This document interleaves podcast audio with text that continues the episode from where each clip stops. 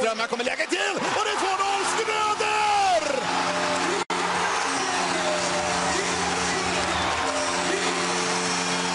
Och stället går bananas! Fullständigt! Ja, men varmt välkomna till eh, sommaren. Det är faktiskt eh, den 4 juni idag och det är söndag och klockan är 13.58 när vi börjar spela in det här avsnittet. Eh, och det är jag. Jag har sänt webbradio eh, både innan och under tiden SR drev det. Så att, eh, och skriver lite grann för, för mode på webben och ja, driver egna modebloggar har jag gjort genom åren och rest lite med laget och fotat och skrivit. Och. Men det var eh, på tiden när det inte var så bra tv-sändningar och sånt där så att man fick följa eh, Modo i sån typ av media. Så att, det känns kul. Ja, men vilken, vilken tung värvning vi har kommit med. Meriterad. ja, vi får väl se. Ja, men det tror jag det blir bra det här. Och jag skulle säga det också att eh, podden heter såklart eh, Modopodden Stället Går Bananas. Så att vi inte glömmer bort det. Eh, tänkte, jag har sett också att du är en liten gourmist. ja, jo, jag gillar att laga mat och äta och dricka gott. Ja, ja men det är ju faktiskt något av, alla fall för mig, ju, ju äldre jag blir, ju viktigare blir det. Ja, men så är det nog för mig. Jag har ju blivit så pass gammal så jag fyller ju 50 nästa år så att eh, då värdesätter man kanske annat än vad man gjorde för 15-20 år sedan. Ja, och jag fyller 45 i sommar så det är inte så jättestor skillnad mellan oss. det är ju Peter Kempe, ungtuppen. Ja. Är, han är väl, jag vet inte, han fyller väl 40 alldeles nyss. Åh herregud. Bara barnet. Bara barnet, dagens ungdom alltså. Ja. eh, vi fick en, jag har fått en lyssnarfråga som handlar om kontinuitet eh, med stället man Så jag vet att vi har verkligen inte varit duktiga på att spela in den här säsongen som var. Vi ville göra någonting åt det och jag och Peter har pratat och han har mycket med sin podd eh, som också tillhör stället Gå Bananas men Kempes Corner. Eh, och vi får, försöker få tiden att räcka till. Och därför har vi sökt efter en e ersättare, inte ersättare på det sättet att Peter inte kommer vara med. Han kommer vara med en annan tid, men någon som kan luta sig mot mig och vice versa. Och då hittade vi dig Patrik. Mm. Så att förhoppningen är ju att vi ska göra mer poddar än tidigare. Absolut, det ska vi styra upp. Eh, sen över sommaren så vet ju alla att det blir lite som det blir. Men under säsong i alla fall. Ja, ja, för tusan. Min hund, han var tvungen att markera också. Han är ju faktiskt med. eh, du, känslan. När vi gick upp, hur kändes det för dig? Overkligt. Eh, det var någon form av Alltså, jag hamnade i något eh, vakuum bara. Eh, satt bara still när det, allting var klart och jag trodde att jag skulle hamna i någon form av omåttligt glädjerus men jag sjönk ihop och satt still på stolen i 20 minuter och sa inte ett ljud. Min hustru undrade om det, hon var med mig på ishockeyn och undrade om hon var lite nervös och undrade om jag mådde bra men det, det var overkligt. Mm. Eh, absolut eh, häftigaste jag varit med i idrottsväg eh, live, det som hände den på valborgsmässoafton där. Det är helt galet.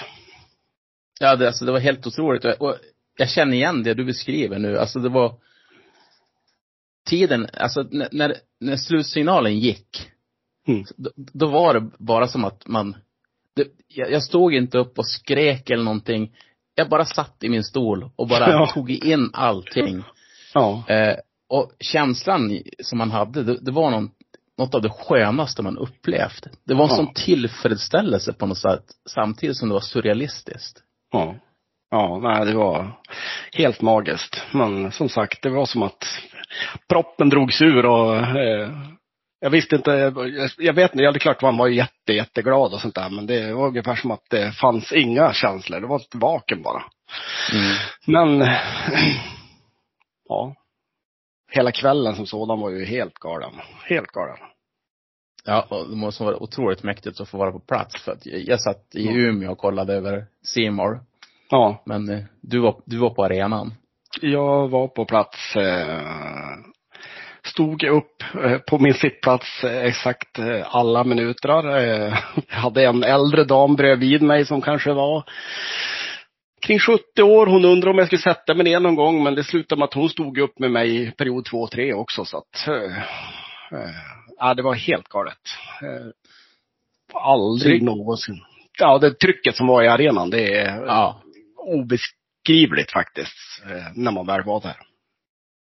För, för jag tog en ganska bra reflektion kring det där för att vi, vi gamla, vi äldre fans, vi började prata som att ja men det var lite Kempis-vibbar eh, över stämningen där i sista matchen. Men oftast Kempis-vibbarna, det var ju, de var ju ofta negativa. Det var ju när folk gick bananas ja. med domslut och liknande. Ja. Började slänga in saker på isen. Eh, ja. Men här var det ju verkligen euforisstämning. Ja, verkligen. Ja, nej men Ja, nej men jag tänker samma för mig. Kempes-vibbar för mig, det är, il, alltså, det är ilska. Ren skär ilska. Där folk är galna på grund av att man är arg på någonting. Eh, det var det absolut inte här, utan det var Ja, det var som att alla var i Lululand. Det var ja. eufori, rakt igenom. För, för yngre som aldrig fick uppleva eh, campis så det, det, var, det var en slags kollektiv ilsa, ilska som byggde trycket. Eh, ja. Och eh, den arenan var byggd på ett sätt också så att det var ett otroligt tryck ut på isen. Mm. Eh, och det som var lite häftigt med den, det var ju faktiskt att eh, motståndare och domare hatade ju verkligen att komma dit. ja, det kan man väl kanske förstå också, med tanke på hur det var där ibland otroligt enögd Öviks publik och alla var arg. Ja, inte ja, gick Modos väg. Ja. ja.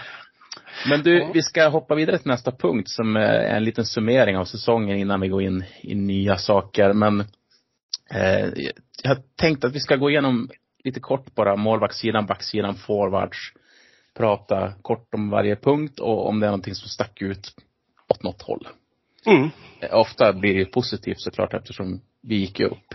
Så det var inte så jättemycket kritik kanske. Men målvaktssidan, hur kände du inför den, inför säsongen? Eh, inför säsongen så var det ett stort frågetecken. Framförallt eh, när Tex eh, operation sköts på så, så mycket som det gjorde. Sen så, allt vad det led så tycker jag väl att eh, Gudleskis kanske inte var superbra hela tiden eh, kontinuerligt. Men eh, det blev ju bra i slutändan och han var ju fantastisk i slutspelet. Men jag var ganska orolig inför säsongen, just eh, målvaktsbiten. Mm. Eh, samma för mig där och samma reflektion kring Gudlevskis. Jag vet också att jag har i början av säsongen kritiserat honom i någonting jag skrivit eller sagt. Eh, jag tyckte att han var ganska ojämn och Nygren tyckte jag var, inte riktigt höll faktiskt som en andra målis. Mm, mm, nej, det, det gjorde han inte och eh, man får ju som, den positionen bör man ju inte chansa på utan även i Hockeyallsvenskan så bör man ju ha två stycken målvakter som, eh, som håller måttet och eh, kan avlasta varandra om det behövs. Ja. Men som du sa, han växte in i det enormt mycket och eh, lite Karol Kristian-vibbar faktiskt över hans eh, slutspel. Ja, han var helt eh, magiskt bra i slutspelet. Och det är ju det, är det som behövdes. Så menar, det som hände ja. i omgång 1 till 15 är det ju inte någon som kommer ihåg hemskt mycket av eh, Nej. idag. Nej. Eh, och han gick ju vidare också och tog ett brons nu med, i VM med Lettland. Ja, men vilken, vilket år för honom. Att vara med ja. om den här galna stämningen först i arenan här hemma med Modo och sen så förmodligen ännu galnare eh, det som hände i Riga sen. Ja, helt galet. Eh, backsidan. Mm. Vi, vi lyfter fram Bernhard på en gång. Eh, vad tycker du om hans säsong?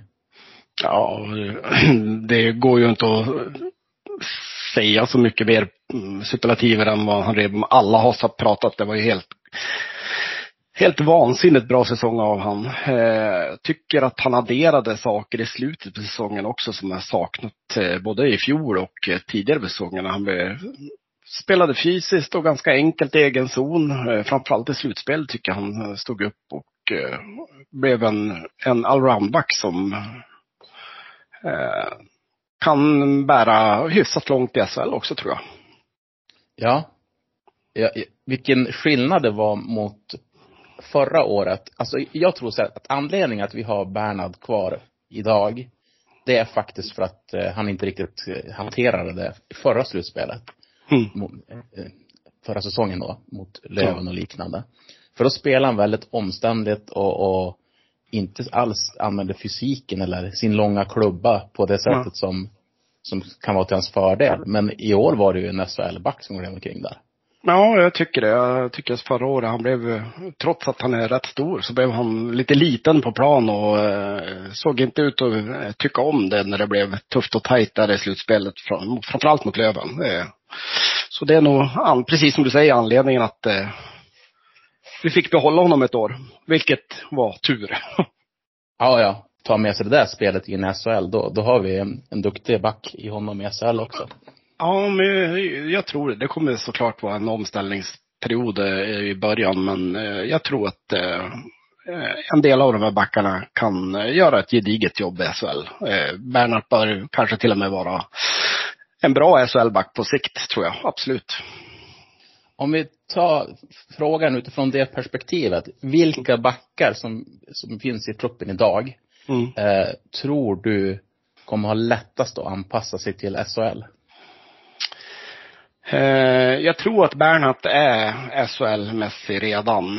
Eh, sen så tror jag faktiskt att en sån som eh, Niklas Folin skulle kunna göra ett gediget jobb i SHL. Spela sitt enkla spel, vara defensiv och jobbig.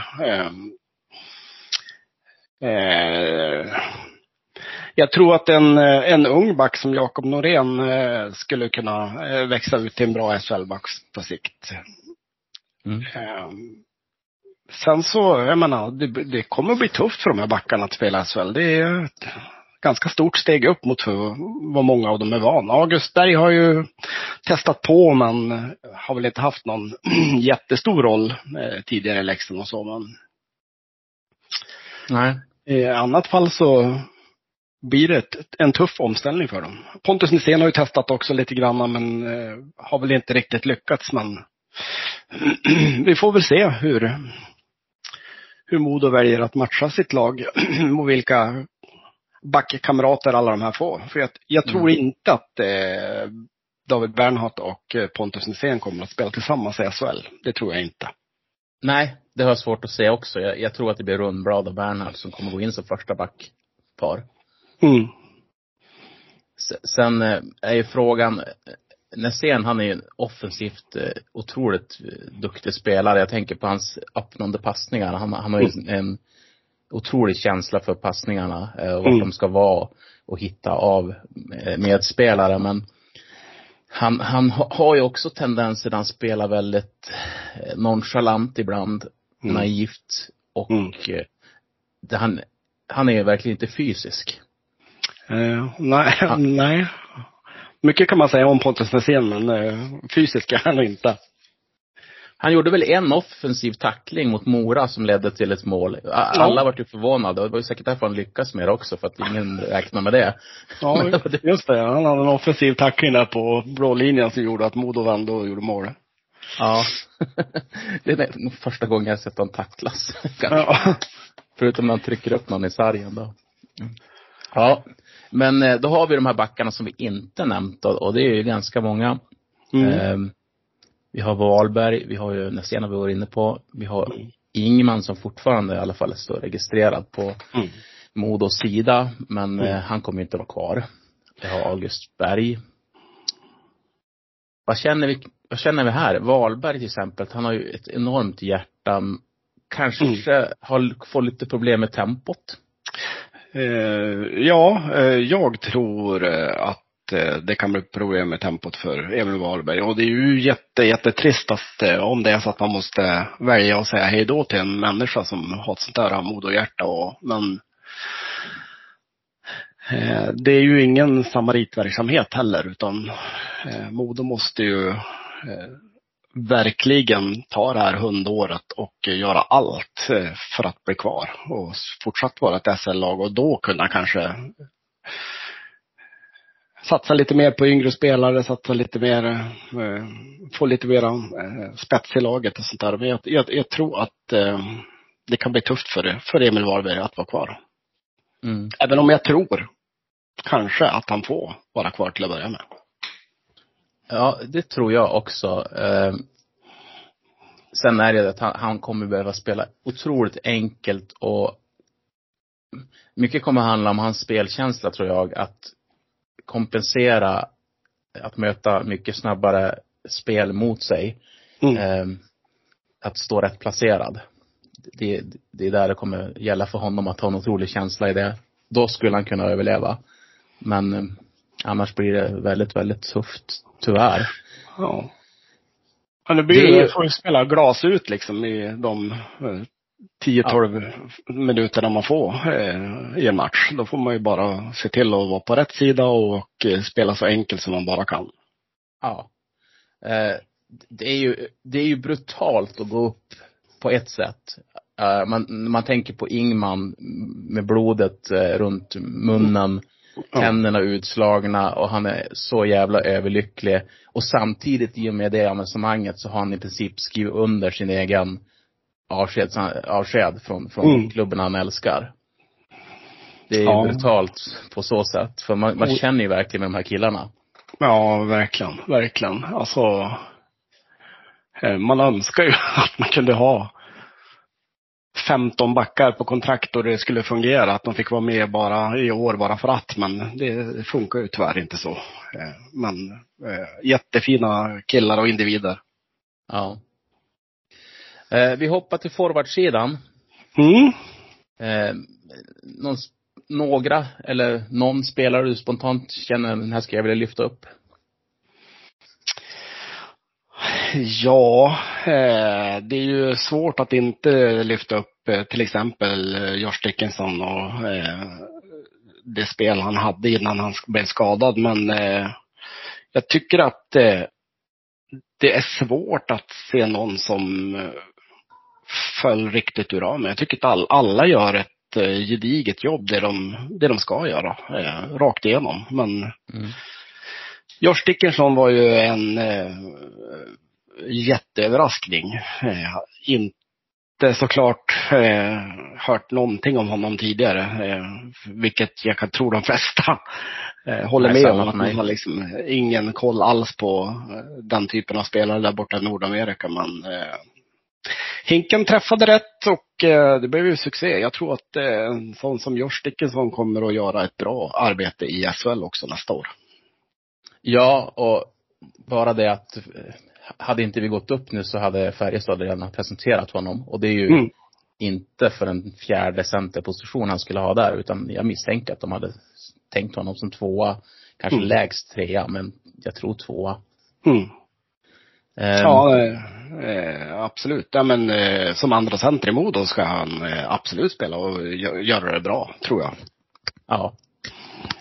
Eh, sen vill jag gärna lyfta fram, fast innan jag gör det så, så vill jag, det du sa vill jag gå vidare på lite grann. Just det där att det var ingen som föll ur ramen. Eh, och vi såg ju under slutspelet hur när Dickinson och Woods kom tillbaka efter skadan, de var inte riktigt på samma nivå som de var innan skadorna. Men Mm. det gjorde ingenting för att i olika matcher klev olika spelare fram. Vi har ju någon Mm. match där Se- Sebastian Olsson gör två mål, Mm. eh, avgör förlängningen. Vi har någon match där Oskar Pettersson i, mot Djurgården, det var ju sista matchen där som han gick fram, Mm. eh, öppna målskyttet. Alltså det, Vela gjorde två mål någon match. Alltså det kommer fram hela tiden olika spelare. Så ansvaret låg inte bara på Dickinson och Woods. Ja, nej. Eh, nej men om, eh, falla tillbaka där på Riley Woods så, eh, han var ju inte alls sig lik eh, efter sin skada. Han var ju fantastisk fram tills han blev skadad. Men det såg ut som, ja, jag vet inte, måste ha suttit mentalt att han kanske var lite rädd. Eh, för jag tycker att eh, hans absoluta styrka, det var ju att han var så snabb i vändningar kring sargerna och otroligt kvick med när han hade pucken under kontroll. Jag tycker att han blev fastlåst och eh, inte alls kom till efter, efter sin skada. Eh, inte på samma sätt i alla fall. Nej, eh, och, och det där är ju faktiskt eh, en positiv sak om man ser ur det perspektivet. För när han gick in i den här säsongen, då såg man ju att han, han var starkare. Han vann mycket mer i sargerna än säsongen innan.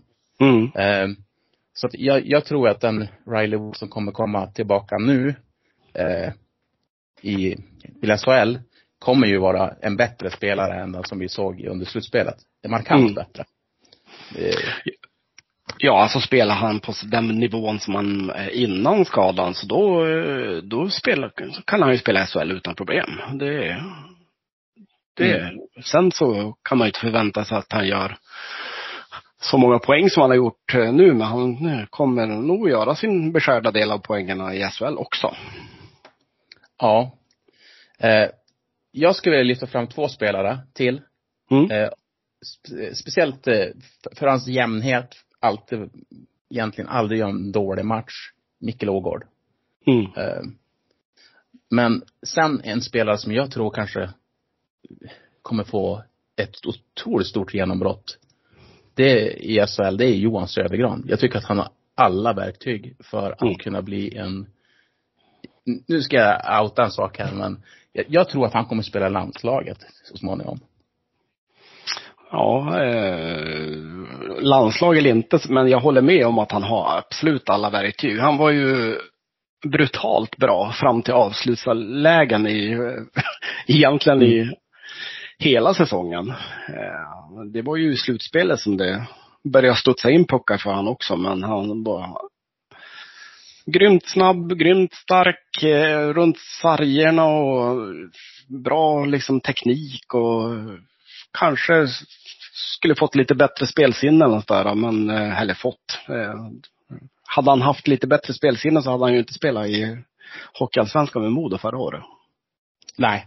Eh, och han, han, han blev bara bättre under hela säsongen och, och Mm. i slutspelet så, som du säger, då var han ju brutal. Men just när det där, för att han är ju nästan omöjlig att ta pucken av när han kommer eh, åkandes. Ja.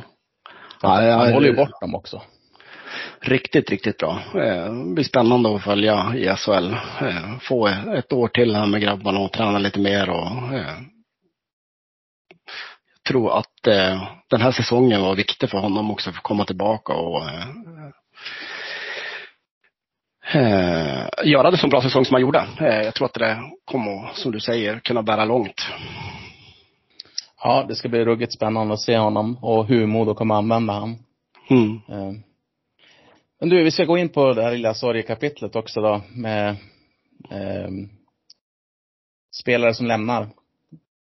Mm. Jag nämner några namn här nu och så får du hjälpa mig ifall det är så att jag glömt någon. Men eh, Brickley, Vela, Ingman, Gudlevskis, Manberg. Mm.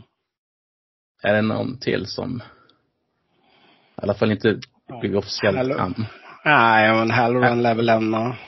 Ja, just det. Halloran har vi ja. Men har- har inte du pratat om att han var klar för Vasa oavsett vilken serietillhörighet vi skulle vara i? Jo, men eh, det pratades väl också lite löst, i alla fall har jag hört det på sidan om att eh, han hade fått eh, kontraktsförslag ifrån Modo också, men eh, eh, om det var något mer än bara prat, det vet jag inte. Men jag, jag tror inte att han blir kvar. Jag ser inte någon plats i eh, i Modo för honom eh, så som det är nu. Det tror jag inte. Nej. Eh, av de här spelarna jag, jag nämnt nu Mm. så är det väl kanske egentligen bara Gudlevskis där jag har ett frågetecken om man gjorde rätt beslut. Men jag förstår också att man satt med två målvakter ganska tidigt klara. Mm. Och eh, då tänker jag såklart på Olle Eriksson Ek och eh, Pontus Eltonius. Mm. Eh, som, som troligtvis kommer bli utlånad för en ny etta. Ja, det är ju ett, måste jag säga, absolut ingen annan, annan lösning än att det kommer en, en riktigt eh, bra målvakt som, är, som etta. Eh, och det är väl därför Gudlevski också får lämna. Eh, jag förstår honom också att eh, han kan inte sitta och vänta eh, länge, utan han måste ju säga över sitt eget hus också och eh, göra, gå vidare om inte, om Modo vill vänta. Mm. Eh, Av de här andra spelarna som jag har pratat om, det är väl egentligen inga konstigheter. Jag, jag vet att Vela, eh, det är säkert många som kunde tänka sig ha kvar, men samtidigt där, vart ska han spela? Mm. Det är ju som inte eh, någon för de två första formationerna i SHL. Nej, nej, absolut inte. Och jag gillade Vela. Jag tyckte, tyckte om eh, framförallt hans slutspel och var precis en sån här spelartyp som Modo saknade i fjol. Mm.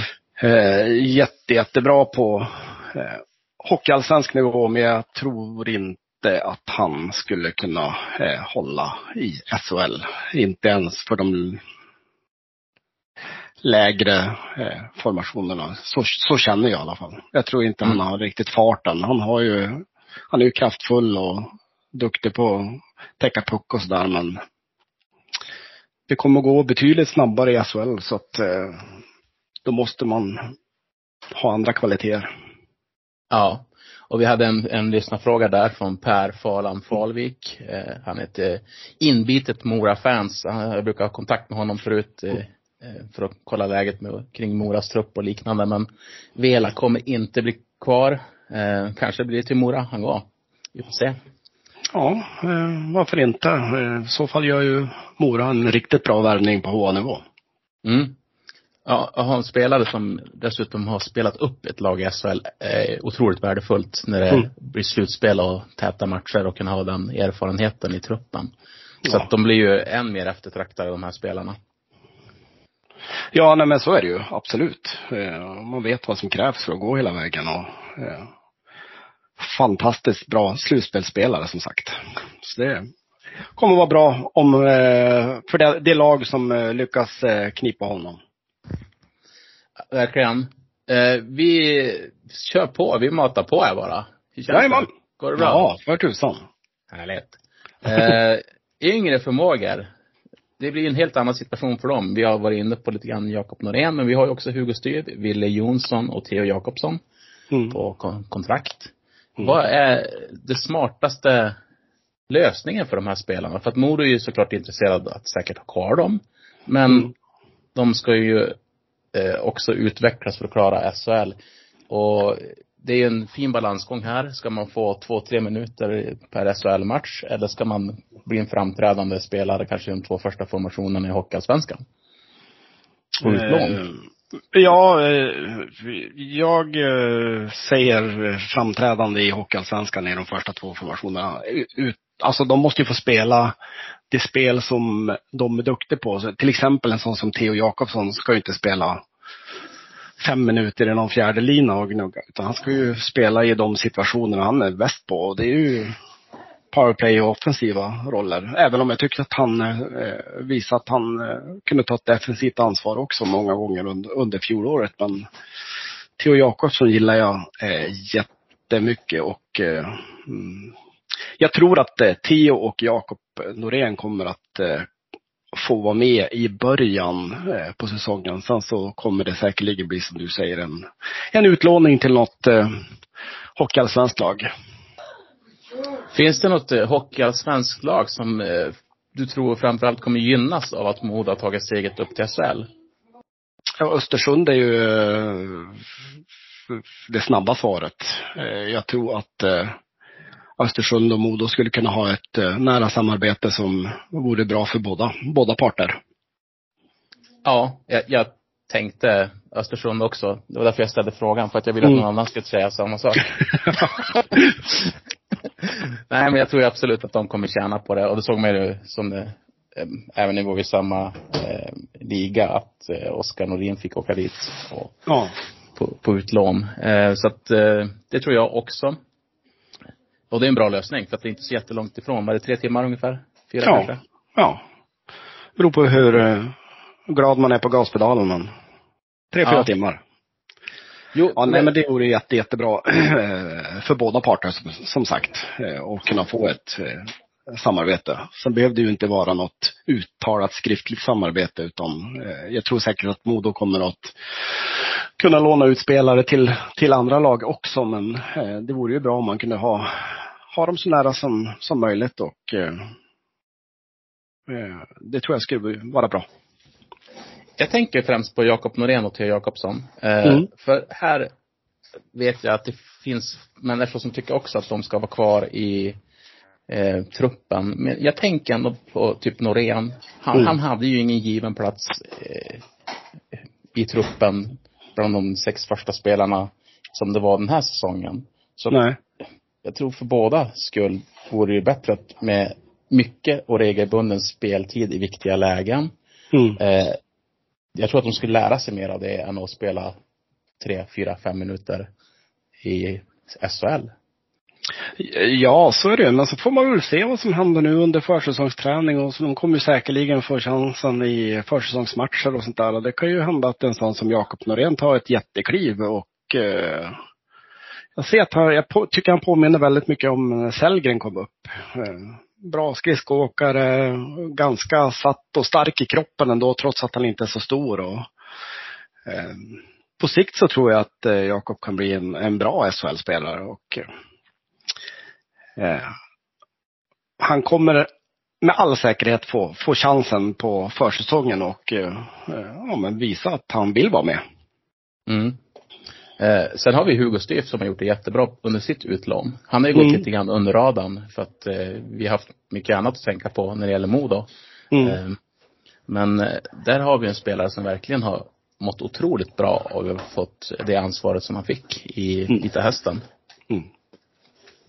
Eh, ja, nej, men och det är väl ett bevis på att eh, de här spelarna, alltså hur viktigt det är att komma till en organisation eller förening som eh, ger dem det ansvaret. Och, eh, för en, en sån som Styf är ju också van sedan pojklagsåren att spela otroligt mycket i alla situationer och, och vara kanske den, den som är nummer ett på backsidan. Eh, och det, det visade han ju i Vita Hästen att eh, han klarade av HA-spel utan, utan problem och gjorde det riktigt bra. Mm. Det det man är orolig för i sådana här situationer, men jag tror, men den ledning vi har idag så känns det inte så som en jättestor risk. Men det sista man vill är att slarva bort en ung förmåga som har potential att bli hur viktig som helst. Mm. Eh, Men det känns som att Hinken och Kalin och grabbarna, det, de känns trygga. Ja, eh, jag tror att största risken med det är just nu, det är ju att man måste ju som sagt göra allt vad man kan för att eh, överleva SHL nästa år och ta den här, kunna klara, kvala sig kvar, kvar eller eh, om det nu skulle bli ännu bättre än så så vore det ju helt fantastiskt att man inte behöver ens kvala. Men då kan man inte chansa. Det, det, går, det går ju tyvärr inte liksom att eh, kanske både spela in juniorer och unga förmågor och eh, samtidigt eh, försöka överleva en första, första säsong i SHL. Det rim, i, hos mig så rimmar det. Det går liksom inte. Nej. Och det är som du säger att eh, det, allt fokus är på att vara kvar. Eh, det kommer att hända en del i truppen också. Mm. Vi vet ju Mattias Persson, den duktiga journalisten på ÖA, säger att det finns eh, seriösa pengar kvar i Modo Mm. att eh, värva för. Och mm, det, det kommer ske mer saker. Men vi går in lite grann på, på SHL-truppen som vi, Mm. som vi tror. Ehm, och vi har redan varit inne på det på målvaktssidan. Vi har Olle Eriksson Ek som jag tror att de kommer köra honom som tvåa. Pontus Eltonius kommer ju lånas ut. Ja, det det är jag helt, helt övertygad om också. Eh, Och man, man, man kommer ju gå för en målvakt i absoluta högsta nivå. Alltså jag tror att eh, den målvakten kommer få kosta otroligt mycket pengar. Därför att Ja. man vet att det, det kan komma in poäng där som man inte förtjänar bara. ja. Ja, nej, men man, måste ju eh, gå på en målvakt som själv kan vinna matcher åt Modo. Eh, och den får ju och kommer att kosta. Vi har en lyssnarfråga där faktiskt som är kopplad till målvaktssidan. Ehm, Det är från Tony Marcus Panda. Så heter han på Twitter. Mm. Ehm, Han frågar så här, målvaktsfrågan förstås. Olkinora is out, så vem går man efter? Och anledningen att han säger att han är ute, det är för att det finns ett bud på honom på 4,5 miljoner. Eh, som, är inte det Mattias Persson också som har Mm. gett den siffran? Mm. Eh, och därför så tar man för givet att det inte handlar om en SHL-klubb som går in med de pengarna. Men jag tror att Hinken skulle vara beredd att lasta de pengarna på en målvakt av den kalibern. Men om, om det inte är han så undrar de, vem går man efter? Och här måste jag säga i alla fall att jag är programledare och svarar inte på frågor. ja, nej, men eh, mina målvaktskunskaper sträcker, sträcker sig inte så jätte, jättelångt. Jag har inte suttit och EP-scoutat någonting eh, själv utan eh, jag hoppas och eh, vill att man går på Olkinora. Erkänt duktig finsk målvakt, eh, spelar på hög nivå under många, många år och Eh, Även om han kanske inte hade några jättebra siffror i Brynäs sista matcherna när han fick spela där. Men eh, Brynäs var ju ett lag i fritt fall också. Det, man hade väl sex, sju keeprar på kontrakt förra året och eh, Mm. ingen som lyckades. Eh, Det var en sån säsong för, för Brynäs och jag tror det ska man liksom inte läsa ut någonting ifrån. Utan han hade ju galna år innan med finska landslaget och spelade bra i KL också. Så att, eh, jag tror att det skulle vara en jättebra lösning för Modo. Och jag tror att 4,5 miljon brutto som det var, eh, mycket väl kan vara ett SHL-bud. Ja, jag, jag, jag tror det också. Och, och i så fall från en klubb som jag tror skulle vara eh, en som med Modo som har mycket pengar att röra sig med faktiskt. Eh, Mm. För att vara en nykomling. Eh, och man vet hur viktig den positionen är. Och Mm. just när man tänker på Brynäs som har varit i fritt fall. Vi, vi har alltså Kristus Wilecki som spelar en playoff-match där och hade en statistik på 72,7 procent. Ja. Så att, och det har vi sett när Modo åkte ut också, att du, du, du kan ju sitta med ett väldigt bra lag. Man undrar hur, hur kunde det bli så här? Men ja. när ett lag faller, då, då, då är det inte mycket som funkar heller. Nej. Eh, så att, eh, och det är svårt när man har gått upp i SHL, därför att man har ju rätt bra koll på spelare i, runt om i Hockeyallsvenskan. Men det blir som att lära sig på nytt nu med allting. ja, ja, det blir det. Jag kommer på mig fortfarande dagligen när jag tittar på HA-trupper och nyheter från HA. Ja. Så att eh, det blir en omställning för en själv också. Ja, verkligen. Det, det är inte lätt. Det kommer ta ett tag att sätta sig in i det här, känner jag. Ehm, Jag kikade lite grann bara eh, lite snabbt innan vi eh, körde igång det här. Ja, men till exempel Malmös och Linköpings trupper och sånt där. Och, eh, framförallt Malmö, det känns ju inte som det är någon jätteskräckenjagande trupp eh, Malmö har heller. Så att, nej. med lite tur så kan det man klämma sig förbi två lag. Men det ska ju spelas om det också. Det är så, trupperna är ju inte ens klara. Nej. Eh, men vi ska ändå spekulera lite grann. Så att vi har någonting att göra. Det, ska vi göra. Vi går till backsidan. Mm. Där, vi var inne lite grann på det, att vi tänker oss eh, att eh, Bernhardt och Näsén inte spelar tillsammans. Mm. Hur, hur skulle du formera backsidan? Om vi tänker realistiskt också nu. Du får sätta att det kommer in en ny spelare. Tror du på att det kommer tre nya backar, då får du säga det. Eh, men det kanske inte är realistiskt med så många. Men hur tror du det kan tänka sig se ut? Ja, men jag tror att eh, till exempel att eh, David Rundblad och David Bernhardt eh, kan ta rollen som ett första backpar tillsammans. Sen så vill jag ha in en, minst en försvarsgeneral. En defensiv allroundback som kan hålla rent framför mål och en sån kanske skulle kunna spela med, börja med att spela med Pontus Nässén. Då Mm. tror jag att eh, Pontus kan nog, kan nog eh, hålla på SHL-nivå om man får liksom en, en kamrat som kan städa lite efter honom också. Ja. Eh, jag skulle vilja ha in två eh, defensiva backar till, men absolut minimum en till riktigt bra. Eh, stabil herre. Du tänker dig, eh, som, som du var inne på, eh, en ny defensiv back. Att Mattias Persson har pratat om Brandon Davidson. Mm. Ehm, Och så att man ställer upp Nässén. Och så i så fall Folin och eh, eventuellt en ny defensiv Mm. back där också i Mm. det backparet. Mm. Ja, det hade ju varit drömmen. För jag, jag, jag tror att Modo kommer behöva säkra upp backsidan med mer än en spelare faktiskt. Därför att vi har tre stycken väldigt unga backar. Vi vet inte riktigt vart det tar vägen där. Då tänker jag på Hugo Stube, Jakob Norén, Wille Jonsson. Mm. Ehm, sen har vi inte så jättemånga backar på kontrakt. Tar du bort dem så handlar det ju om, eh, ja Ingman försvinner ju också. Det Mm. handlar ju om typ sex, sju backar. Och det är ju, Mm. man måste ju ha bredden också. Ja. Ja, eh, det är väl eh, den svagaste lagdelen eh, nästa år. Eh, Mm. Backsidan skulle ju behöva upp ett hack eller två. Ja. Och då blir det vi var inne på tidigare att det kommer kanske krävas beslut som är väldigt tunga i hjärtat. Mm. Men Ja. det, det handlar om överlevnad. Um, Hinken var väl inne på det att eh, samtidigt som det att det är väldigt kul så är det typ det värsta han måste gå, gå igenom just nu också. Och säga hejdå till killar som han verkligen älskar och som har gjort allt för klubben. Ja. Eh, Sen är det nu en, eh, en sak till som eh, man måste ta i beaktande när man säger att Modo kommer att ha en eh, lönebudget på kanske 50 miljoner eller något där. Mittenskikt på SHL eller övre, övre delen i alla fall. Och Det är ju att det kommer ju krävas eh, en hel del pengar som går till att köpa ut eh, de spelare som man gör sig av med.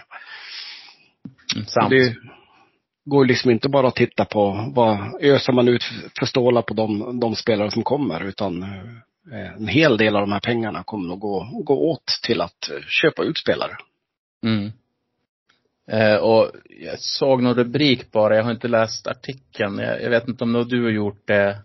Men för någon vecka sedan att Hinken sa att det handlar om tre till sex spelare som ska bli utköpta. Mm. Och eh, är det totalen eller om det är det han menar från när han sa det. Så är det ganska många som i så fall ska bort.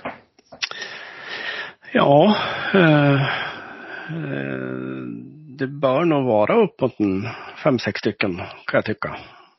Mm. Vilka tror, tror du då är i riskzonen? Vi har ju tagit upp eh, Wahlberg exempelvis. Mm. Ingman är väl nästan till eh, klart. Eh, en sån som August Berg, ja, jag vet inte. Eh, han kanske skulle kunna eh, göra ett bra jobb som sjunde, åttonde back. Eh, sen om man tittar forward så då har vi pratat om Daniel Manberg. Eh, Mm. Eh. Ginesjö Karlsson tror jag skulle kunna ligga lite illa till. Beroende på vad man får in. Om man får in några fler forwards. Ja. Eh, nu har ju Modo gjort några värvningar men det pratas väl om att man måste in alla med någon forward till också. Det kommer Ja. bli ganska många som eh, sitter på sidan om. Jag, jag har svårt att se att man inte tar in en till forward som ska in i första. Det måste man göra, minst en. Eh, Ja. Sen så ska vi säga, det är väl inget konstigt om man skulle sitta med 14-15 forwards på kontrakt i SHL. Alltså man måste ju ha, det kommer ju komma skador och folk som är sjuka och borta så att man måste ju ha kanske en lite bredare trupp än vad man har haft i HA.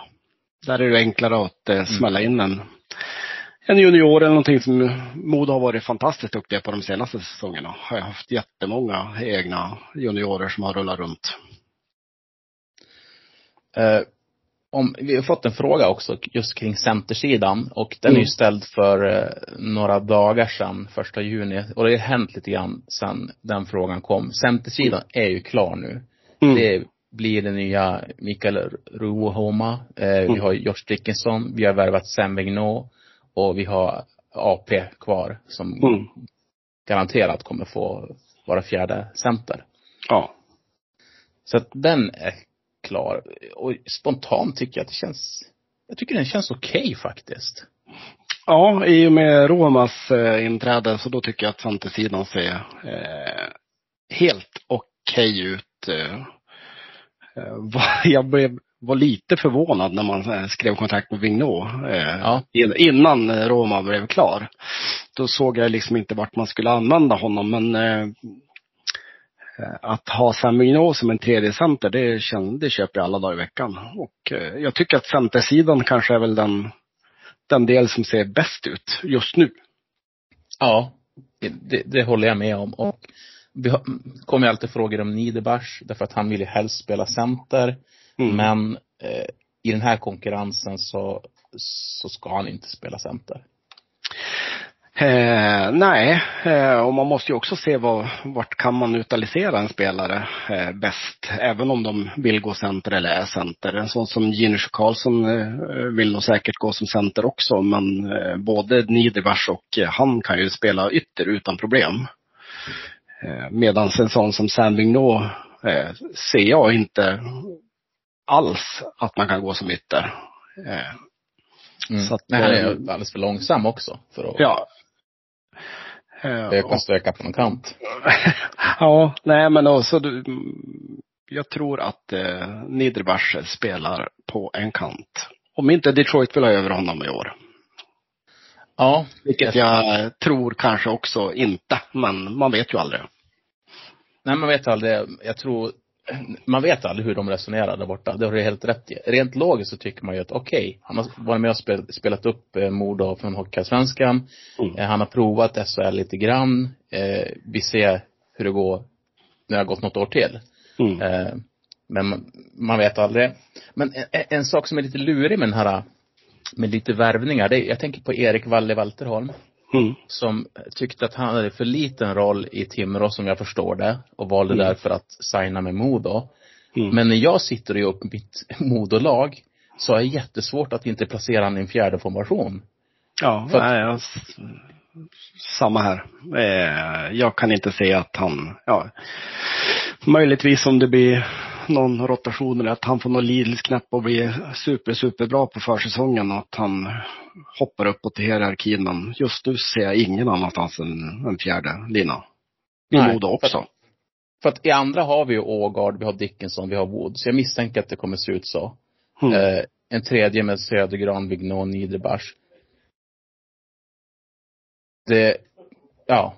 De första kommer han absolut inte spela. Nej, nej.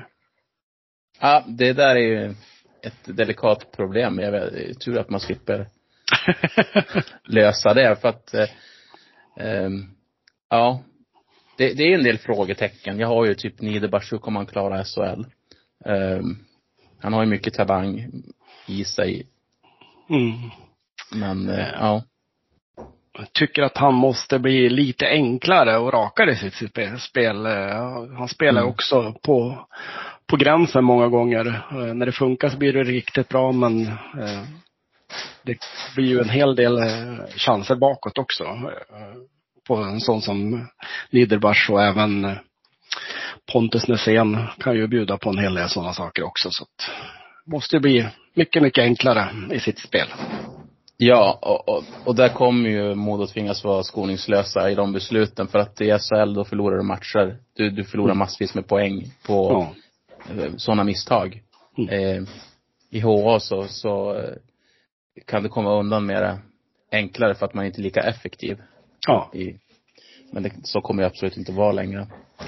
Nej men det är väl det som är den största skillnaden ligorna emellan. Det är ju att eh, man kan inte göra misstag i SHL utan då, då ringer det bakåt och passningsspelet är betydligt, betydligt bättre i SHL så att eh, tror liksom det blir lika, lika starka spelare och de åker lika fort. Och, eh, men det är ju att i SHL så kan nästan alla spelare göra de här sakerna i fart. Eh, som man inte klarar över HA. Precis. Eh, du Patrik, vi har gått igenom hela körschemat. Är det någonting som du känner att det här måste vi ta upp? Eh, Nej, det tror jag väl inte. Inte just nu, men eh, jag tycker att det ska bli otroligt spännande att se när de, väl truppen är helt och hållet satt. Och eh, ska bli intressant, men eh, som sagt, det kommer säkert svida i hjärtat eh, när man får se att vissa, vissa spelare måste lämna. Jag tänkte att eh, vi får väl göra så helt enkelt att eh, när den här truppen är satt, Mm. Eh, kanske, ja det kan ju bli ända fram i september i och för sig, men när vi, när vi tror att eh, trupperna börjar sättas i alla fall till eh, 95 procent, Mm. då kör vi en ny podd och då ska vi även försöka att läsa på lite grann kring vårt, mm, våra motståndare. Jajamän. Och då kommer vi återigen, men eh, tack så jättemycket för att du var med. Debutavsnittet avklarat. Hoppas det kändes bra. Ja, det gjorde det. Fantastiskt. Ja, Ja, skönt att vara igång. Kul att du tycker det. Det var jättekul att du var med. Eh, då tackar vi alla som eh, orkar lyssna och önskar er en jättetrevlig sommar.